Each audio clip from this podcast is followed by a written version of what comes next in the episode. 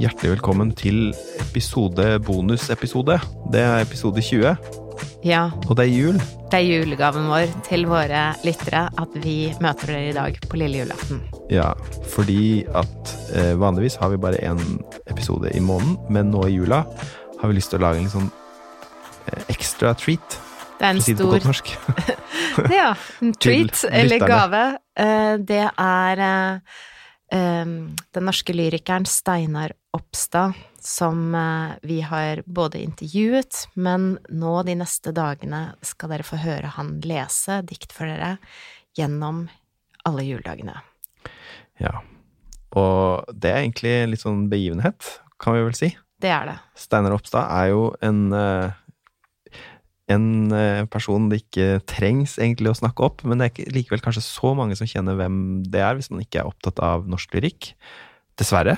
Ja, det er masse i poesi og lyrikk, syns jeg, som er ukjent, så vi må fortelle litt om hvem han er. Ja, ja litt eh, For de som ikke vet det, så er han kanskje en av Norges fremste lyrikere. Ja. Han holdes høyt av veldig mange forfattere, vet jeg. Jeg har snakka med flere som både har vært litt imponert over at eh, han er villig til å stille og lese dikt på Kulturmisjonen i jula. Ja, jeg var litt starstruck da jeg fikk ja. Altså Ja. sånn jeg, Eller starstruck, jeg var lykkelig, rett Ja, og slett. ja. Det var en sånn lykkefølelse da han sa at han ville være med på dette. Og det her har liksom vært din eh, litt, du, har vært styrmann på dette prosjektet, Maria, og fått eh, har en samtale med han. Men eh, du skal også gjøre et lengre intervju, for det har jeg lyst til å liksom eh, skape litt forventning om. I januar så skal vi slippe liksom hele samtalen, eller eh, ja En lengre samtale. En lengre samtale om hans forfatterskap. Ja. Eh, men bare sånn veldig hard facts, eh, som ikke vi kommer til å gjenta i hver eh, episode nå i jula, men, men eh, eh, hva skal vi si om hans bio, bibliografi? Han debuterte i 1996 med 'Tavler og bud', og eh, hans eh, Alle hans verk, eller diktsamlingene hans etter det, er jo samla i en bok som jeg virkelig vil anbefale. Hvis du hører nå på Steinar de neste dagene og tenker 'dette her må jeg høre mer av', så kan du kjøpe 'Arbeid og drøm'. Den kom ut i 2016. Så da er det 20 år med diktbøker som er utgitt der. Og da har du egentlig alle bøkene hans, bortsett fra den aller siste. Ja, det er den han er aktuell med nå. Den han er aktuell med nå, heter En varig lengsel. Ja.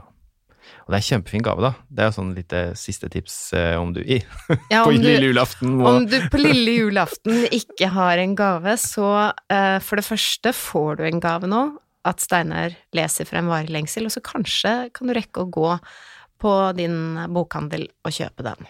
Ja. Så hva er det man sier med god jul og vel bekomme? Ja, men vi må også si noe om det stedet som dette er gjort på, fordi det kommer til å Ja. høre at trikken går forbi bakgrunnen. Og skaper litt sånn julete tordenstemning. Litt dårligere lyd, men det, vi kan si at det er Lyden er ikke helt optimal, men eh, diktene og Steinar står seg. Og det, det det er også en musikkskole som øver i bakgrunnen på et tidspunkt. Nice. Så eh, med det så vet dere at eh, dette ble spilt inn i kjelleren på kirkekontoret i Kraftverket.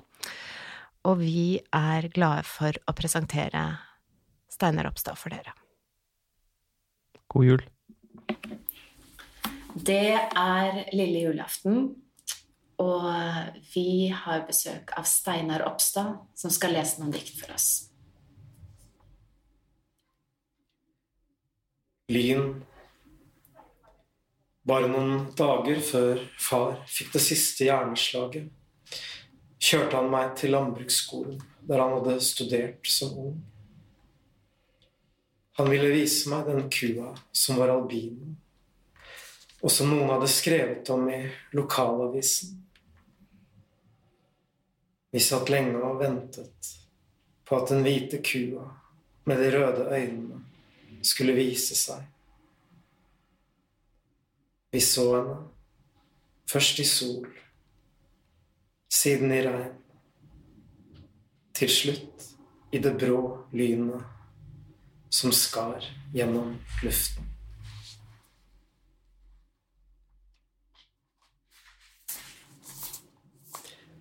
Når jeg triller far ut på verandaen på sykehjemmet, kommer alle de tamme fuglene, spurvene, trostene og bokfinkene, som er vant til å bli matet av beboere og gjester. Og fuglene setter seg på fars stive og urørlige hender, som ikke kan slå eller jage dem bort. Far deler ut brødet til fuglene, og til slutt er armene hans fulle av småfugl, og jeg blir oppskaket av synet. Men far sitter og smiler med fuglene i håret, på skuldrene og nedover armene. Far er fuglenes konge, og snart må kongen trekke seg tilbake for å hvile, slik konger må. Og jeg jager bort fuglene og triller ham inn på rommet.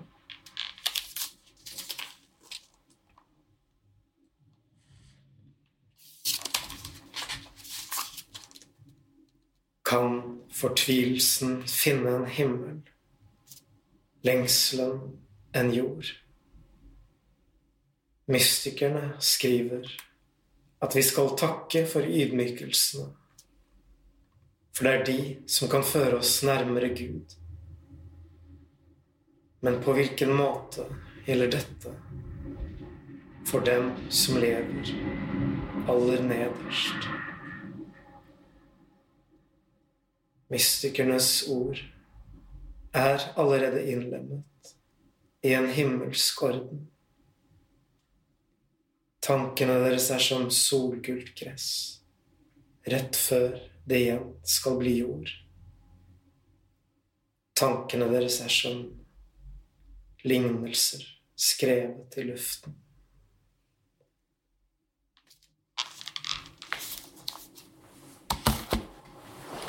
Takk, Steinar.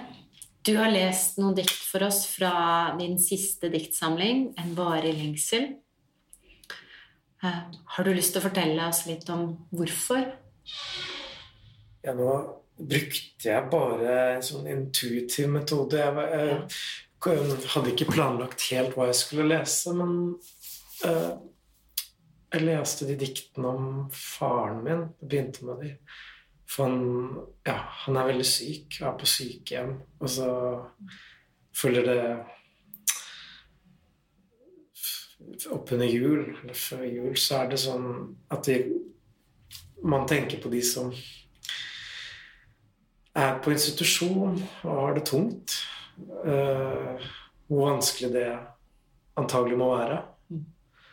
Um, og jeg har jo veldig mye minner knyttet til faren min, uh, som er gode, i all hovedsak. Ja. Og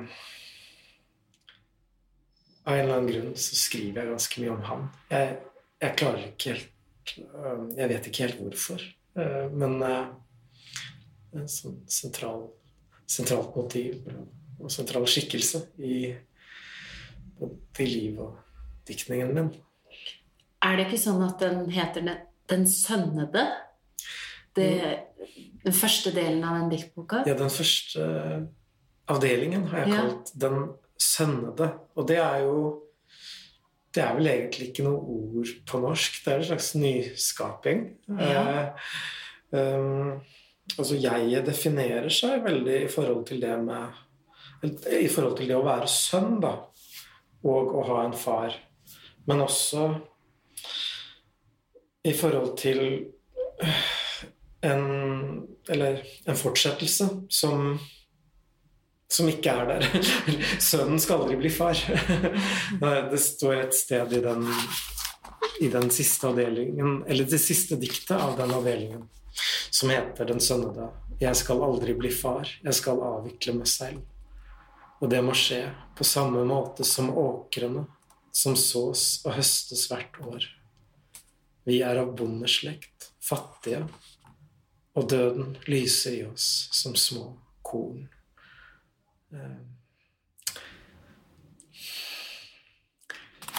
Det syns jeg er så vakkert, fordi nå i jula så handler det jo om en sønn som blir født, som selv ikke blir far.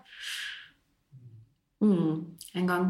Det, da jeg leste den delen av diktboka di, så tenkte jeg på at det var utrolig vakkert.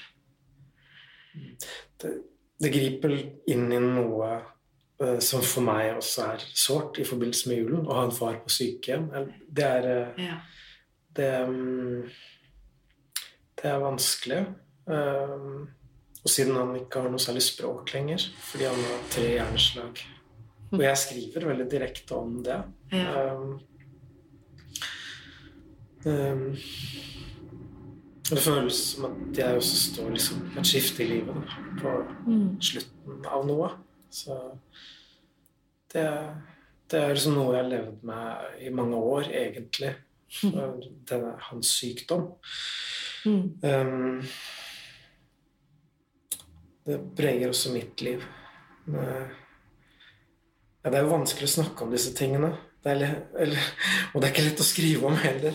Men når, måte, når diktet står der, så er det så er det lett Det er på en måte lettere å formidle det gjennom å lese diktet. Ja. Mm. Og kanskje skal det få hvile der? Ja, det tror jeg nok. Men jeg, likevel er det også fint å åpne opp litt rundt diktet. Ja. For jeg, det er mange på min alder som har det sånn. Når man er sånn i slutten av 40-årene, så får man syke foreldre. Og ofte. Mm. Og, og, julen er jo en sånn tid der det blir mm. satt på spissen, alle ja. disse nære relasjonene. Ja. Hm. Takk. Vi gleder oss til å høre diktene også i morgen på julaften. Kulturmisjonen er en podkast fra stiftelsen Areopagos. De arbeider med livssynsdialog, religionsstudier, bistand og kristen spiritualitet. De har medlemsforeninger i Norge og i Danmark. Du kan bli medlem og lese mer om stiftelsen på areopagos.no.